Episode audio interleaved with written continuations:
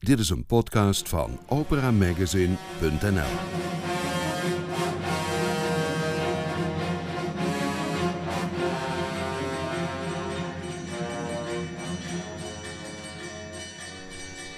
Welkom in Studio Nibelheim. Hier hoort u Niels, achtergronden en interviews over opera en lied.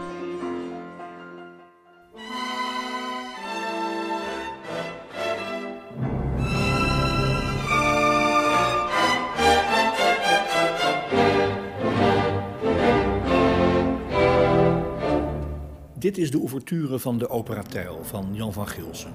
Bariton Pierre Mac zingt daarin de rol van Lammergoedzak. Hij vertelt in dit gesprek over het karakter van zijn rol en hoe leuk het is om weer een productie te doen met het Utrecht Studentenconcert. Maar met een loopbaan van ruim 30 jaar als zanger en 15 jaar als conservatoriumdocent valt er veel meer te bespreken. Pierre Mac vertelt over zijn lievelingscomponist, Bach heeft gewoon geen noodslechte muziek geschreven. over zijn opvattingen over zangtechniek, Vocale techniek zou erover moeten gaan dat het comfort in het zingen groot is en dat de inspanning relatief klein is. Het gaat voor mij veel meer over balans dan hard werken. Je moet heel goed weten wat je inzet, maar ook vooral weten wat je niet inzet om, om een comfortabele, prettige, goed lopende vocale techniek te hebben. over het belang van waarachtigheid in een operarol, maar ook bij lied en oratorium. Het moet uiteindelijk starten vanuit die innerlijke diepe laag. En anders krijg je het niet goed geperformd. Dan klinkt het fantastisch en we hebben een hoop decibellen en een hoop lawaai. Ik hou erg van grote stemmen, eh, daar niet van. Maar als ik intentie mis, dan haak ik af. En hij geeft een veelzeggend citaat uit zijn rol van Lammergoedzak in de opera Tijl en waar die volgens hem over gaat. Zo zal Tijl ook lente na lente zien en leven, omdat vrijheid eeuwig leeft.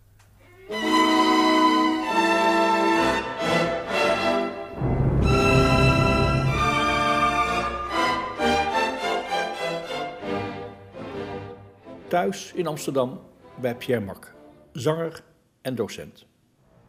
Als er in je paspoort één beroep mag staan, wat wordt het dan? Eh, zanger.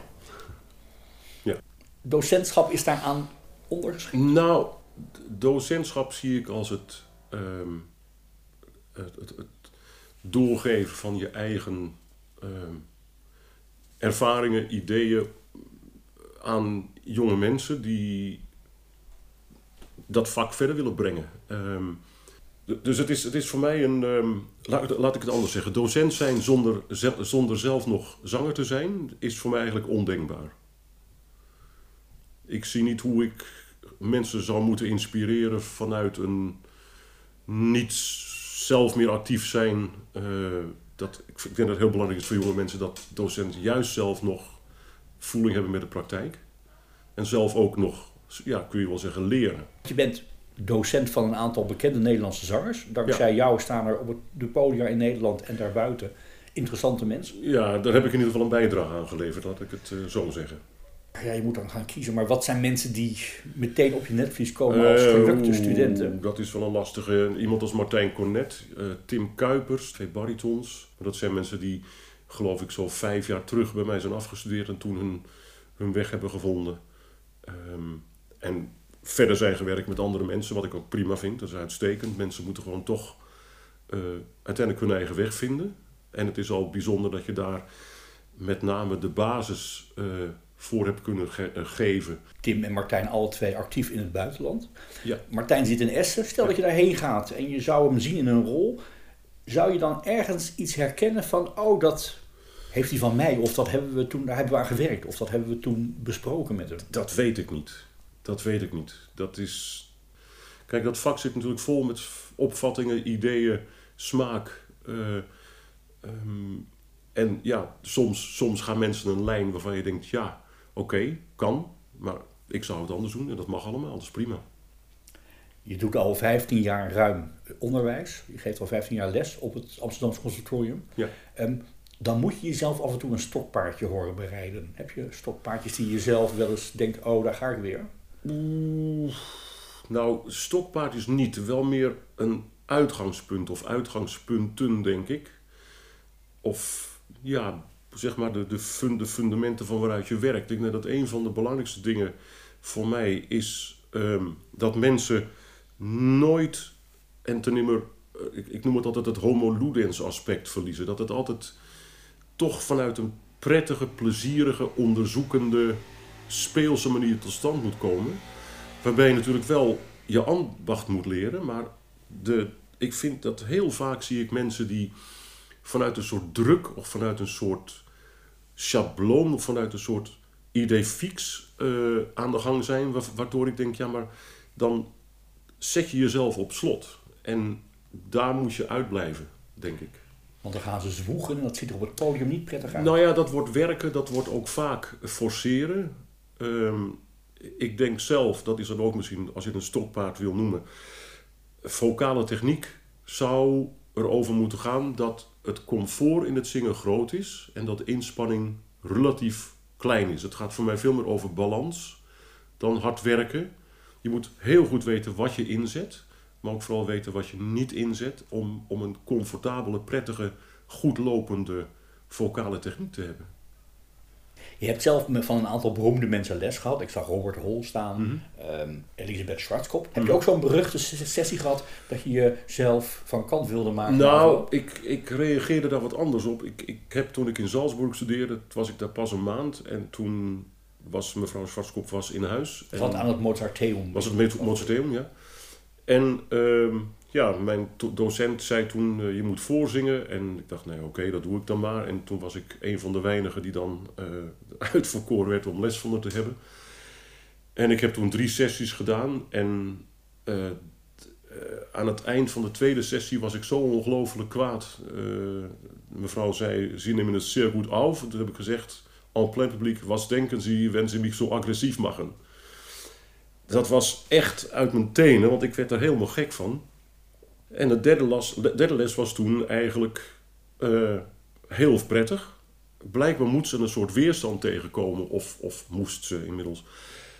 Ik vind het een uitermate vervelende manier van doseren. Je hebt er niets aan als, student. Uh, het, het, het, voegt niks toe. Met alle respect voor de kunstenaarschap, uh, ik vind het een ramp. Zo zou ik het van mijn leven niet willen. Een van mijn stokpaardjes bij een eerste les met een nieuwe student is oké. Uh, we doen het samen. Het is voor mij een laboratoriumsituatie. We gaan samen op zoek naar wat er moet gebeuren, kan gebeuren. Uh, we zijn gelijkwaardig en de enige autoriteit die ik heb is mijn ervaring. Maar menselijk gezien zijn we absoluut gelijkwaardig en dat moet ook zo blijven, want anders kun je niet ontwikkelen. En daar ben ik ten zeerste van overtuigd geraakt.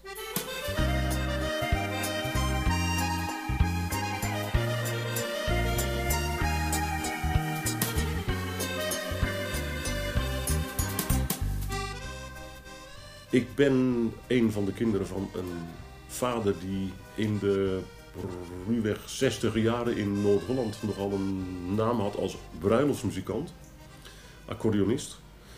En wij werden als kinderen van zeven allemaal op pianoles gedaan. Dat moest, vond hij belangrijk, mijn moeder ook. En het grappige is, ik ben eigenlijk daarin, als ik van zeven bij de piano gespeeld, maar ik drumde ook. Ik ben als drummertje begonnen. Ik heb in een tamboerkorps gezeten, een jaar of, nou toch wel een jaar of zes, zeven denk ik. Vanaf mijn zevende, achtste tot mijn veertiende, vijftiende. En ehm, dat piano, dat drummer, dat moest het worden. Dat, maar goed, ik ben, maak er geen geheim van. Dat zal heel Nederland, vooral Nederland waarschijnlijk weten. Mijn ogen zijn verre van goed. En dat slagwerkverhaal, dat werd me toen zeer ontraden. Ik was toen een jaar of dertien. Van joh, dat kan niet met partituren lezen en met, dat gaat niet, dus dat moet je niet doen. Toen wilde ik piano gaan studeren en toen, toen zei mijn toenmalige pianodocent... ik vind je meer een organist. God weet waar hij het op baseerde, maar oké. Dat ben ik toen gaan volgen. Ik was toen 16, denk ik. Toen ben ik naar de dorpskerk gegaan. De hervormde kerk in het dorp waar ik vandaan kom. Daar stond een heel mooi eenklaviers Maarschalke Weertorgel. Daar mocht ik af en toe op spelen. En zo ben ik in het orgelgebeuren terechtgekomen. En toen ben ik naar de kerkmuziekschool gegaan in 1978. Die bestond nog, Nederlands Instituut voor Kerkmuziek in Utrecht. En daar kreeg ik bijvak zang. En daar is eigenlijk de boel begonnen. En toen heb ik na drie, vier maanden besloten om het orgel uh, te laten voor wat het is. En uh, me te focussen op, uh, op zang. En zo is het gekomen. Dus ik heb daar nog een omweg in gemaakt. Was je ook een heel religieus iemand? Was de muziek ook een deel van jouw religieuze beleving? Nou, als kind was ik wel. ik kom uit een streng katholiek, goed katholiek gezin. Ik wou zeggen, je hebt vier voorletters. Dat moet Ja, katholiek zijn. Ja, ja. Maar dan betekent dat misschien Bach niet, zoals bij veel gereformeerden en protestanten, de huiscomponist van het gezin Mak. Nou, maar voor mij wel. Als je me vraagt wat zijn nou je lievelingscomponisten, staat hij toch bovenaan. Dat is, dat is zo. Ja, de Bach is voor mij zo. Kan dat, ik kan dat niet in woorden vangen. Ja, het is een, een, een, een soort. Als ik goed. Ieder jaar komt die Matthäus natuurlijk 10, 12 keer voorbij. En, en dat is maar een voorbeeld. Hè. Ik heb het ook met, met orgelwerken van Bach en met, met en met. eh, je kan het, je kan het. Bach heeft gewoon geen noodslechte muziek geschreven. En eh, het is een. een, een ik, ik weet niet wat het is. Ik was vorig jaar toevallig in, in Leipzig. Weer na heel lang. eh, en dan sta je weer in die Thomaskiertje. En denk je, ja, hier is het gebeurd. En dan zie je die grafplaat in het altaar. En denk je, jongens, ja. Ja, dat, dat is iets onwaarschijnlijk groot voor mij. En dat beleef je, dat zei je net, een paar, of misschien 10, 12 keer per jaar, als, meestal als Jezus Ja. in de Matthäus Passion bijvoorbeeld. Ja. Kun je iets zeggen van wat dat betekent, los van dat je ook gewoon aan het werk bent, je, bent ook, je hebt gereisd, je moet een net pak aan, je moet er staan, allemaal hele profane dingen. Maar dat, bij dat spirituele van Bach komt dat dan nog naar boven als je daar absoluut. staat. Absoluut. Ik kan het niet helemaal in woorden vatten, maar het is. Met name de Matthäus Christus is voor mij iets, iets, ehm, iets wat uitstijgt boven ehm, het, laten we zeggen, het, het, het, het, het, het traditioneel christelijke. Het, het, gaat, het heeft voor mij iets universeels, iets, dat heeft iets te maken met een soort menselijkheid, met een soort ja, en waar het precies aan ligt is me nog, nog steeds niet duidelijk. Het is voor een deel de tekst, maar het is vooral ook de, de manier waarop Bach het zet. De, de meest grote mildheid tegenover de meest extreme dramatiek. Ik heb er zelf ook wel een opvatting over. Ik vind dat die Christuspartij, eh, ook als je er retorisch naar kijkt, ehm, het wordt mij vaak veel te als ik het zo mag zeggen, oratorium-like gezongen. Ik vind dat vlees- en bloedmuziek. En dat moet je horen, dat moet je voelen, dat moet het publiek ook meekrijgen. Het spectrum in die partij is zo ongelooflijk groot. En het is zo doortrokken van, van een, een, een idealisme en een menselijke grootheid... Waar, waar ik echt nog steeds stil van word, ja. Ja, dat doet me heel veel.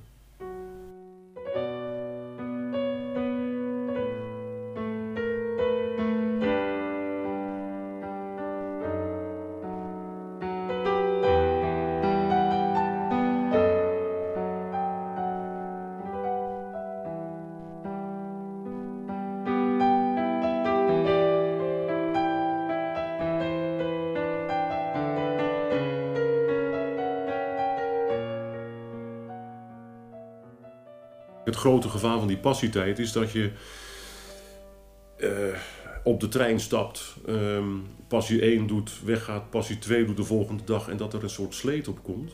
Hopen dat je wakker blijft. Hopen dat je wakker blijft, inderdaad.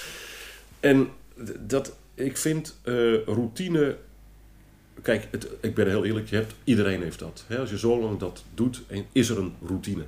Je, je, je weet wat er gebeurt, je weet wat er komt. Je weet dat het je, eh, weet ik veel, volgend jaar misschien je 300ste Matthäus wordt of zo. Ik heb het nooit geteld overigens, maar ik noem maar wat. Maar de kunst is, om als je daar zit, ehm, of het is, nee, het is niet de kunst, het is wat er moet gebeuren. Dus dat je geïnspireerd wordt om op het moment ehm, dat je daar bent, echt, nou ja, goed, zoals ik net over zo'n Christuspartij spreek, dat moet dan wel eh, over de bühne komen. En daar ben je verantwoordelijk voor, daar wordt je voor betaald. En dat moet. Dus, dus de, de, ook de, de cast eh, en en de, de medemuzici helpen daar natuurlijk bij. Heb je, een, heb je een soort techniek om zeg maar, te focussen, om, om je eh, in het moment te laten bevinden om daar Christus rol mooi neer te zetten? Doe je daar, doe je daar iets voor? Mm, dat is een goede vraag. Daar heb ik eigenlijk nooit over nagedacht. Ik denk. Ja, ik denk. Ik heb ook heel veel recitals gedaan. Hè, waarop je ook hetzelfde had. Je komt ergens binnen en dan moet je 70 minuten, 75 minuten moet je door. Dus je hebt altijd een soort moment waarin je terug moet naar eh, nul. Eh, zero point. Eh, je, moet, je moet vocaal goed in, fysiek moet je in balans zijn. Daar hecht ik heel veel waarde aan altijd. Dat ik goed, goed in mijn lijf zit, dat ik mezelf goed voel, ehm, mezelf goed waarneem. Eh, je moet dan ja, wat terug naar nul en dan ga je. En dat is denk ik eh, in zo'n passie ook. Je, je komt binnen, er wordt gestemd, er wordt, eh, het publiek komt binnen, je wordt eh, goed, je, je maakt nog een grap met de collega's, het is een rup, maar dan moet je wel weer naar het punt nul en je moet in het verhaal komen. En ik denk dat dat het voor mij eigenlijk is. Ik denk dat dat iets, wat je, is, iets is wat je überhaupt altijd moet. Of je nou bij opera is dat natuurlijk simpel. Dat is gewoon van twee, minstens twee kanten is het een verhaal. Je bent op de bühne en je bent, eh, je bent aan het zingen. In het oratorium en lied moet je het zelf meer creëren, denk ik. Maar dat moet wel gebeuren en anders lukt het ook niet. Als hij daar niet komt, dan. Hoe dat precies werkt, is mij ook nog steeds een raadsel. Maar mensen voelen dat altijd. Als je in het verhaal bent, als je vanuit je centrum, vanuit je eigen. Ja, ik weet ook niet precies hoe ik dat moet noemen. Innerlijk, deep down, hè, werkt. Gaat dat mee met je klank? En als dat niet gebeurt, dan horen mensen dat. En dat geldt hetzelfde, denk ik nu. Dat is ook weer zo'n issue waar ik toch ook wel eens over denk de laatste jaren. Van jongens, eh, het gaat heel veel om klank de laatste tijd. En het gaat heel, nou laat ik voorzichtig zijn, het gaat niet altijd meer om intentie. Dat werkt niet voor mij. Ik, ik denk dat ook in het operavak, wat je ook doet, of het nou lied, oratorium, opera is, het moet uiteindelijk starten vanuit die innerlijke diepe laag. En anders krijg je het niet goed geperformd. Dan klinkt het fantastisch en we hebben een hoop decibellen en een hoop lawaai. Ik hou erg van grote stemmen, eh, daar niet van. Maar als ik intentie mis, dan haak ik af. Een harde overgang naar opera, want daar hebben we het in feite ook even over nu. Want interessant genoeg heb je heel veel oratorium gedaan, veel liedrecitals. Relatief laat begonnen met opera. En dat is ook een kleiner pakket in jouw cv, denk ik dan. Ja. Eh, je begon met Reigen van Ja, Hoesmans. Klopt. Een heavy rol waarbij veel mensen weinig aan hadden, maar jij gelukkig, een, althans stel ik voor, Ja, het bleef redelijk in de kleren. een Ja. blauw pak. Ja. Was, was de echtgenoot geloof ik, hè, van de mevrouw. Ja. Ik heb een klein fragmentje om even te laten horen hoe je klonk. Je Mhm. bent de eerste die aan het woord komt in die muziek van, eh van Hoesmans. Trink, mein Kind!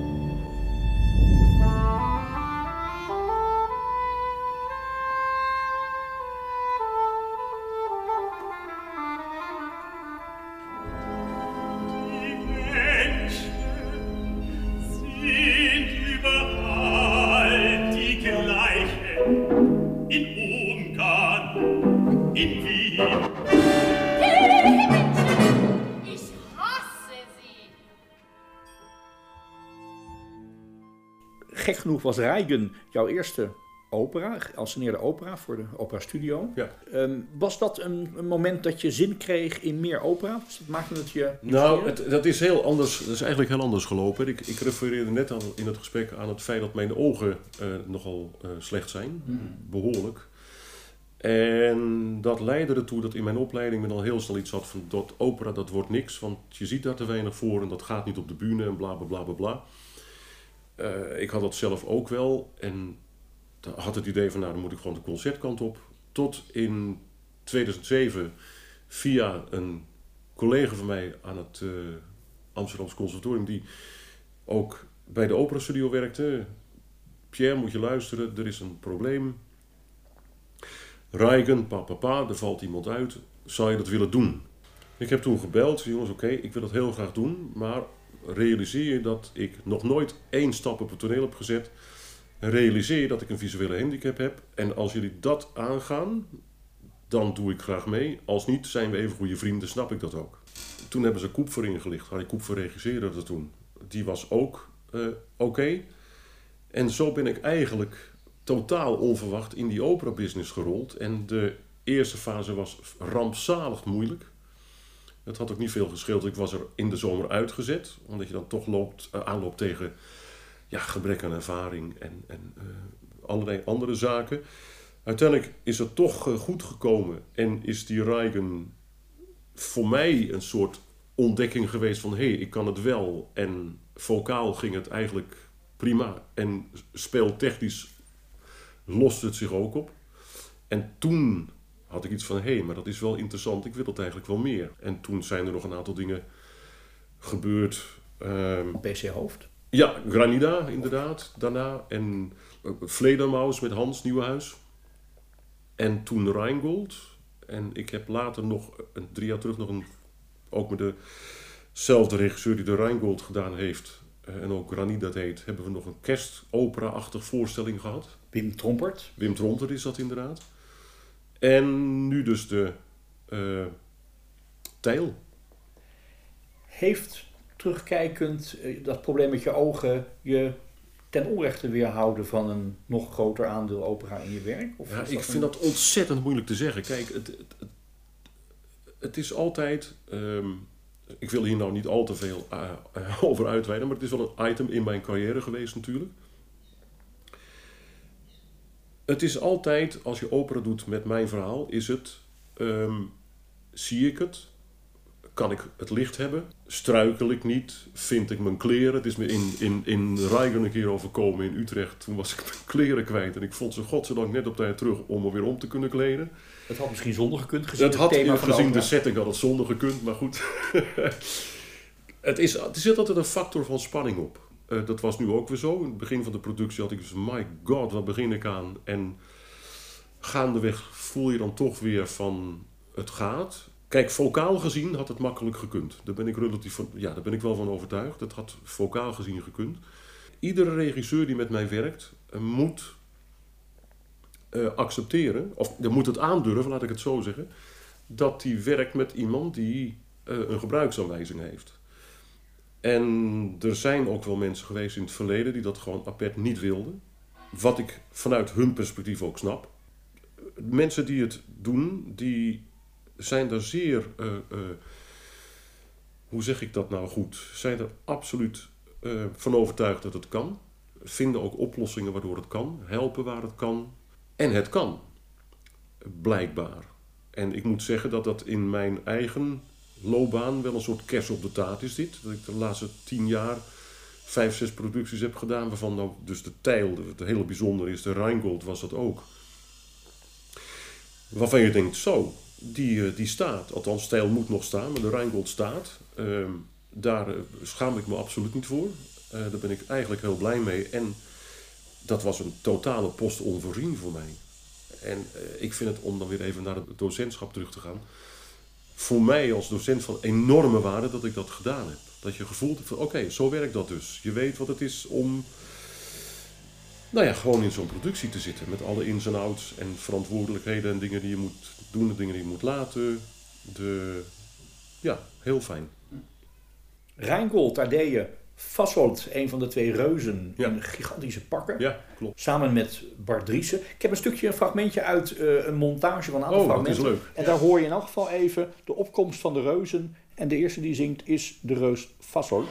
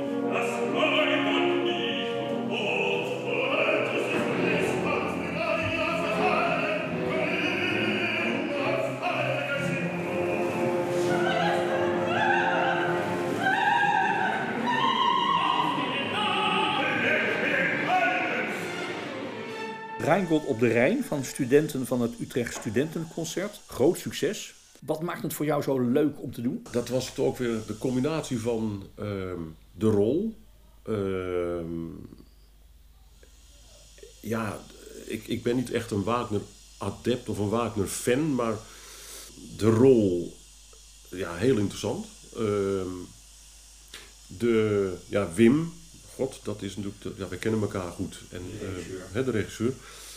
Ehm, en toch ook wel de, de, de, het maffe van het idee. Ehm, gewoon acht gasten die, die, die met allerlei kunst en vliegwerk een fantastisch, ja, letterlijk fantastisch hè, concept verwerkelijken van dat gaan we gewoon doen. En ja, ook de, de ja, hoe zeg je dat goed? Ook weer het, het, het, menselijk aspect. Gewoon jonge mensen die een enthousiasme hebben en die, die iedereen eigenlijk meenemen in, in dat avontuur en het voor elkaar krijgen en het, het tot een fantastisch project maken. Met iedereen die erin zit, met iedereen die meedenkt, met iedereen die meewerkt. Dus er ontstaat een soort spirit waar ik, waar ik, waar ik het heel goed op doe, waar ik ontzettend van hou, ja. Dat zagen wat we horen is niet decor voor jouw volgende productie. Nee, dat- Maar als je hier de straat uitloopt, we zijn in Amsterdam. Is dit Oud-Zuid? Ik ben een provinciaaltje. Amsterdam-West, West, ja. heb je het al. Als jij de straat uitloopt, je gaat je deur uit naar links, dan kom je bij een zijstraat. De Bosselommerweg is dat? Nee, nog eerder. Je bedoelt, al die, ja, het zijn allemaal eh, liter, literatuurstraten. Hè? Dus je, dit is Egidiusstraat, je hebt Marieke van Nimwegenstraat, je hebt Elkerlijkstraat, je hebt... Ja, er is een Teeluiderspiegelstraat, ja, dat klopt. Voilà. Bruggetje naar die nieuwe productie van het Utrecht Studentenconcert. Vijf jaar na Rijngold gaan ze Tel Uiderspiegel doen. Mhm. En toen ik een paar dagen geleden de voorzitter Jaap van Hellenberg Hubar vroeg waarom ze jou gevraagd hadden, toen zei hij dit. Toen ik Pierre aan de lijn had eh, om hem eh, te vragen om te projecteren voor Trouw. Uh, Pierre is sowieso een heel fijne persoon om aan de, aan de telefoon te hebben. Hey, Rheingold op de Rijn was een van de mooiste theaterervaringen uit mijn leven. En ik doe graag weer mee. Zo. Wat de rol van Pierre moeilijk maakt is, is dat hij eigenlijk in elke scène aanwezig is. Hij heeft een aantal eh, zeer intensieve aria's.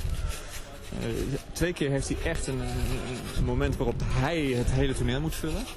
Ehm, maar hij is eigenlijk gewoon altijd aanwezig op het toneel. Toch de meest interessante vraag, gezien wat je al hebt verteld over jezelf en over hoe je bent en wie je bent. Ehm Lammergoedzak, komt dat een beetje uit jezelf? Waar, waar haal je de karakter, het karakter Lammergoedzak uit als het gaat om de persoon Pierre Marc? Mm, goeie vraag, ja. De- ze hebben dus hier in de productie hebben ze een aantal eh, rollen samengevoegd. In het oorspronkelijke eh, stuk zit een balladezanger die dus de twee ballades zingt waar Jaap aan refereert. Die dus nu in mijn eh, pakketje zitten. Dat is een prachtig lyrisch ehm, ehm, eh, materiaal hou ik van. Eh, dat maakt het sowieso al, al simpeler. Karakter, ja, ik vind dat... Het, het, ik, ik, ik heb een hele goede klik met Anthony. Met degene die teilt, Anthony Heideweller, degene die tijl zingt. Dat, daar hebben we vijf jaar terug hadden we dat ook nu weer. Het is ook zoeken. Ehm, het is in, in de opvatting die, die, die dus in deze productie eh, leidend is. Eh, niet zozeer dat de, de traditionele eh alla, hè? dus de, de, de, de, het karakter dat Koster beschrijft, dus de, de min of meer schlumielige, eh, wat oppervlakkige eh veelvraat en veeldrinker die Lamme daar is. Het is veel meer een psychologische support voor Tijl. Het is eigenlijk iemand die hier Tijl in de gaten houdt en ook een beetje stuurt, managt, soms ook dingen een beetje manipuleert in de richting waarin dat moet gaan, et cetera. Omdat een ongeleid projectiel is? Nou, om, het gaat met na, kijk, het stuk refereert natuurlijk aan de 80-jarige oorlog, maar het, het refereert vooral eigenlijk indirect aan de ehm, Tweede Wereldoorlog. Dus, dus Van Gilze had daar een, ook in de, in de jaren, jaren daar naartoe al een hele grote vrees voor dat het fout zou lopen. Hij is zijn eigen twee zoons in de oorlog verloren in het verzet. Het gaat, het gaat heel erg over drang naar vrijheid, eh, recht op vrijheid, en ook de strijd die daarvoor geleverd moet worden soms. En dat is eigenlijk een beetje de rode draad die door dit uh, regieconcept uh, loopt. Dus Lamme moet Tijl op een gegeven moment ook zeg maar, motiveren om de opstand in ieder geval niet op te geven en om de leiding te nemen erin. Dus het is een soort meer achter de schermen aansturen van. Althans, zo zie ik het nu een beetje. Even los van alle uh, andere aspecten van het karakter. Maar het is wel de. Het is eigenlijk de werver van verzetsmensen ook voor een deel. Er moeten, er moeten mensen in verzet komen en dat regel ik samen met Telmer. Ik ben daar dan toch sturend in. Ik, Lamme Goedzak, ook een beetje ik, Pierre Mak? ja, daar kan ik veel over zeggen. Ik denk wel dat we in een tijd leven waarin een aantal dingen... God, ik ben 58 nu. Ik heb de jaren na de val van de muur natuurlijk meegemaakt. En, en daar is de hele hijze ontstaan of we nou over het neocapitalisme hebben of over Trump hebben. Uh, ik vind wel dat er een aantal dingen maatschappelijk gezien is flink opgeschud moeten worden. Uh, uh, en in die zin, ja, ben ik wel. Ja, god, ik vind het zo moeilijk om. Ik, ik, ik, ik maak me inderdaad zorgen en ik vind ook dat de dingen echt moeten veranderen. En ik denk ook dat met name het hele tolerantievraagstuk um, en het mogen zijn wie je bent en daar de ruimte voor hebben, waar Tijl natuurlijk ook voor een heel groot gedeelte over gaat. Tijl refereert, refereert er op een gegeven moment ook aan. Kijk, wij zijn in opstand gekomen om ons geloof, ons vrijheid van geloof te bevechten, maar nu wil ik ook gewoon dat andere geloven dat recht ook krijgen. En daar zit voor mijn gevoel nu een, maatschappelijk gezien een heel groot issue. Van hoe gaan we dat met elkaar oplossen? En die, die strijd voor die vrijheid die Tijl en Lamme Goedzak voeren, die spreekt jou aan. Ja, die spreekt me, die spreekt me aan. Ook omdat het. Kijk, als je dus hè, het hele perspectief van waarin als je wat, wat leest over wat Van Gils aan het overkomen is. En hoe zijn leven gelopen is. Maar nu ook. Ik denk de actualiteit van.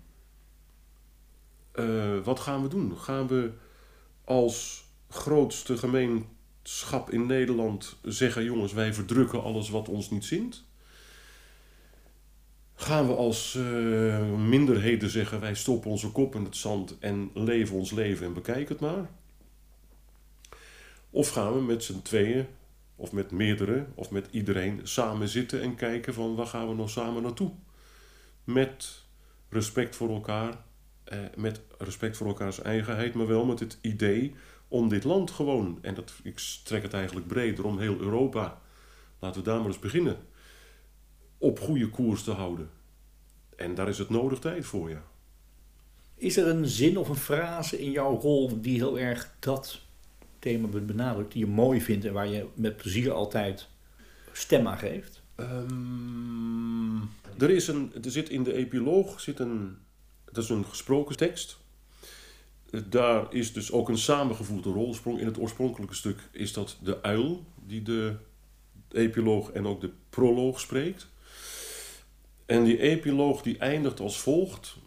Zo zal Tijl ook lente na lente zien en leven omdat vrijheid eeuwig leeft. En ik denk dat het hele stuk daar over gaat. Uh, het stuk gaat over vrijheidsverwerving, recht op vrijheid, uh, rebellie tegen de verdrukking die uh, nodig is. Niet de verdrukking, de rebellie was nodig. Mm -hmm. Maar ook het aanspreken, als het ook in zijn tijd plaatst, het is een stuk uit 1941 als ik het goed heb als je nu de tijd, tijdgeest ziet, denk je ook wel eens van ja jongens, maar ho, wat, wat, dat zei ik net al, waar gaan we nou heen? Waar willen we naartoe? Wat ik overigens ook fantastisch vind dat het gebeurt door met name die jonge club van mensen van begin twintig, die zeggen: hé, hey, dit is actueel, dit is ook in onze generatie een issue, of het moet in ieder geval een issue zijn. En dat, uh, dat, ja, dat verheugt me zeer dat, dat blijkbaar toch nog steeds leeft. Gelukkig. Ik heb je ook gevraagd tot slot ehm, zoiets van een guilty pleasure muziek die buiten het klassieke valt. En je noemde twee fascinerende namen, Johnny Jordaan en uh, Ramses Shaffi. Ja. Ja, ja. En omdat ik de baas ben, denk ik van nou, dan doen we Ramses Shaffi. Ja, Nee, het is heel, ik, ik, dat is, ik heb een soort. Het zal waarschijnlijk met mijn roots te maken hebben. Ik refereerde al aan mijn vader was bruiloftsmuzikant. Dus ik, ja, wij werden thuis. ehm, mama nam eh, de hits van de tijd op, eh, op de bandrecorder. En papa studeerde ze in en daar leefde die van. Ik, ik weet niet precies hoe ik op John Jordaan ben gekomen. Ik vind het zelf. eh, een, een, ja, ik refereer er wel eens aan ehm, bij leerlingen zelfs. Van jongens, die mensen zingen gewoon. En die zingen legato en dat stroomt. Het enige nadeel is dat het vibrato, hoe hoger de toon wordt, hoe groter het vibrato wordt. Maar in principe is het een soort ongecompliceerdheid en een soort eerlijkheid ook. En ja, ik ben gek op die Amsterdamse, Jordaanese humor die erin zit. Die andere, toch wat anders geparfumeerde muziek is die van Ramses Shaffi. Wat spreek je daarin aan? Ja, dat, dat is een beetje, dat is voor mij een vergelijkbare grootheid als eh, iemand als Brel bijvoorbeeld. Of Edith Piaf, ik noem maar een paar mensen. Dat is een soort ehm, authenticiteit, vrijgevochtenheid, ehm eigenzinnigheid, maar ook uitbundigheid. Dat ik, vooral bij, bij is dat natuurlijk extreem. Als je kijkt van waaruit die mensen dat doen... ehm, dat, dat, ik ervaar het bij Shaffi heel sterk en met Brel ook. Dat is een soort noodzaak bijna om hun ei kwijt te moeten. En een, een, een, dat komt uit een diepte waarvan ik denk, jongens, daar zouden we in het klassiek vak best eens meer naar kunnen kijken. Hoezo? ehm, ehm, ja, hoe moet ik dat nou weer goed zeggen zonder allerlei conflicten op te roepen? Hoezo regeltjes? Hoezo ehm, decibellen? Hoezo god weet wat? Luister nou eens waar het vandaan komt. En ehm, dat, dat is wel iets wat ik weer in mijn docentschap refereer ik daar inderdaad ook wel eens aan. Van jongens, Brel, Shaffi, luisteren naar het is eerlijk, het is oprecht, het komt uit een, uit een noodzaak, uit een intensiteit. Het heeft een intensiteit die ik in een lied van Schubert of in een aria van Verdi of van Mozart ook wil horen. En anders heeft het voor mij geen zin. Dat klinkt een beetje eh, hoogdravend misschien, maar dat vind ik wel. Ik vind met name in de operawereld op het ogenblik. eh, opera is opera gaat ook over subtekst. Ik zou niet eens zeggen tekst, subtekst. Het gaat over, over innerlijk theater. Het gaat over innerlijk conflict, over innerlijk liefhebben, haten, you name it. En het kan me niet schelen, ik wil dat horen. Anders ben ik binnen een half uur uit de voorstelling weg. We komen hierop vanuit Ramses Shaffi, maar welke naam in de operawereld hoort daar voor jou bij? Bij Oh. dat echte, authentieke geluid? Oeh, dat zijn er nogal veel. En dat zijn veel oude zangers. Wunderlich, Hotter, Dieskau. Hoewel het misschien niet een echt ideale operazanger is. Hè? Eh, in, in, in de, hè, gezien vocale middelen en zo. Ehm, Ik heb trouwens van Disco op mijn iPod hier fragmentje Wozzeck. dat, is, dat, is, dat is dus iets wat ik bedoel. Dat is een fenomenale opera. Ehm, ik zou er een, een, een half leven voor over hebben, bij spreken, om die rol een keer te doen. Dat zal er wel niet van komen, maar dat, dat is zo ongelooflijk. Dat gaat zo ongelooflijk diep. En dat is zo hartverscheurend. eh, ja, nou, hoe moet wat voor woorden moet ik daar nou voor vinden? En ik vind dat Dieskau is daar in staat om misschien wel vanuit zijn hele. ehm, ja, dat heeft misschien, dat is ook weer een issue aan zich, daar hebben we misschien geen tijd meer voor. Maar kijk, lied en opera is ook zo'n ding. Er zijn mensen die zeggen, een, een operazanger heeft geen lied nodig. En ik ben daar ongelooflijk eigenzinnig in. Ik vind dat lied juist opera helpt, omdat lied mensen dwingt om juist in die subtekst te gaan. En juist in de nuances te gaan. En juist in dat te kijken, hoe kan ik dat nou in deze vorm, eh, in dit hè, stuk van vier, vijf minuten, hoe kan ik nou mijn verhaal zo vertellen dat het werkt? Ik ben ervan overtuigd dat operazangers groot, groot profijt hebben bij lied. En Dieskau is natuurlijk iemand die uit het lied komt. Eh, en die op een ongelofelijke manier, vooral in zijn vroege tijd vind ik, ehm, die, ja, die middelen vond, die middelen ontwikkelde om dan, denk ik, juist daarvan uit zo'n Wozzeck te kunnen laten werken zoals hij werkt bij hem. Wozzeck in gesprek met de Hauptmann. Arme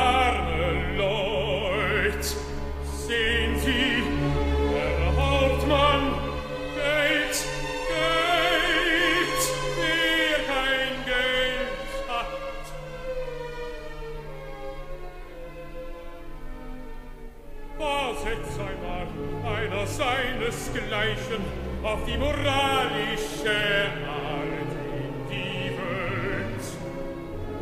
Man hat auch sein Fleisch und Blut. Ja, wenn ich ein Herr wär und hätt einen Hut und eine Uhr und ein Augenglas und hätt vornehm reden, ich wollte schon Tugend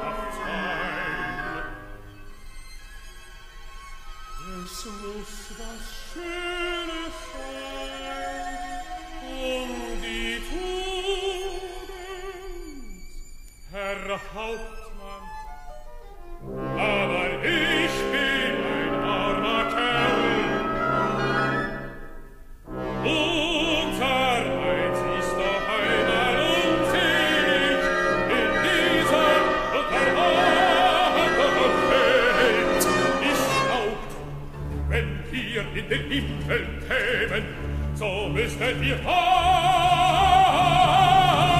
helfen. Schmut, Schmut, ich weiß, er ist ein guter Mensch. Ein guter In een paar woorden, wat maakt deze Dietrich Fischer-Dieskau als Wozzeck zo bijzonder? Ik denk toch de ja, woordkleuring, weer die diepe laag die hoort. Het raken van het karakter. Eh boem, gewoon in de roos. Er zit helemaal niks tussen. Je voelt wat hij voelt, je voelt wat die Wozzeck voelt. Nou daar heb je het weer. Dat is gewoon waar voor mij eigenlijk eh, alles om draait. Eh, ik heb een bloedhekel aan stiemprotzerij, zoals ze dat in Duitsland noemen. Niet nodig, onzin. Doe wat je moet doen, doe het goed. En heb contact met waar het over gaat. Dat is toch uiteindelijk waar eigenlijk de hele boel ook uit voortkomt. Dat is ook, denk ik, eh, als ik terug ga naar mijn eigen start. Ik rolde dus, zoals net al gezegd, heel toevallig in dat zingen omdat ik een fantastische, lieve zanglerares, Celestine Dorhout, die toen op het kerkmuziekschool eh, nog les gaf, stimuleerde mij. En ik, eh, ik had twee zanglessen gehad en ik kreeg een of ander liedje op uit Unterrichtslieder. En die tekst raakte mij zo. En ik had iets van, dit is voor het eerst iets dat ik tegenkom, eh, waar ik mezelf in kwijt kan en waar ik, waar ik iets heb van, ik, dit raakt mij en dit, eh, eh, dit brengt mij in beweging. En de hele, het hele vak eh, draait voor mij om dat aspect. Het gaat om het overbrengen van wat componisten, wat dichters wilden zeggen in hun tijd. Dat moet via ons en via onze guts moet dat naar het publiek toe. Ik, heb ook, ik zeg het ook vaak tegen leerlingen, jongens, we zijn niet meer en niet minder dan een, een communicator tussen de componist en het publiek. Het gaat helemaal niet om ons, het gaat om de rol die we hebben en hoe we daar als persoon en vanuit onze achtergrond en vanuit ons karakter instaan. Meer is het niet.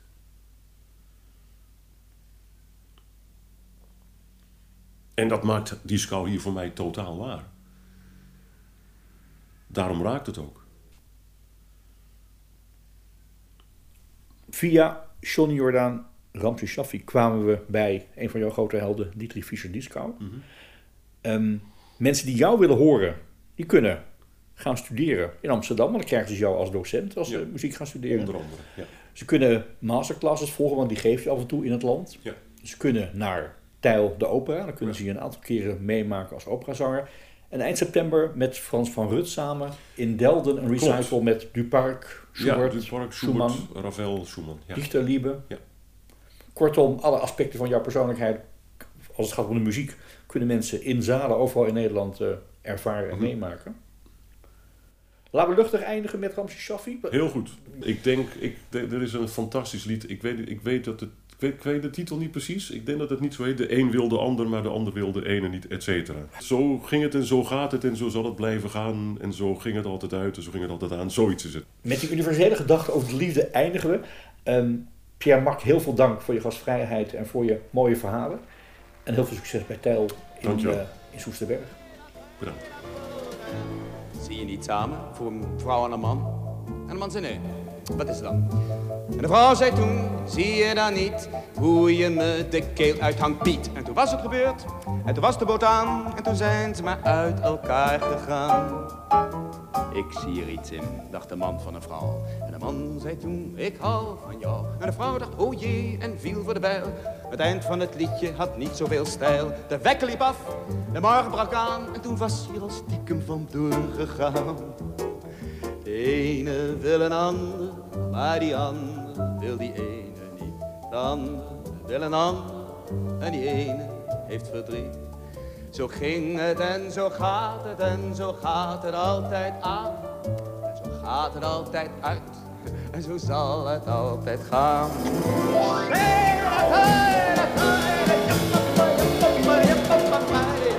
Zijn minder elkaar, een man en een vrouw. En de vrouw zei, schatje, wat doe je nou? En de man zei, lieverd, ik doe niets precies, zei de vrouw en reed weg op de fiets. De liefde doet pijn, de liefde slaat wonden, maar de liefde is fijn en het is geen zonde. Kijk, de ene, hm, een ander, maar die ander, hm, die ander, hm, hm, en die ene. Ach, gosje, ach, gosje, ach, gosje, ach, gosje, ach, gosje, Dit was Studio Nibelheim, een podcast van operamagazine.nl. Productie François van den Anker. Kijk voor al het opera nieuws op www.operamagazine.nl.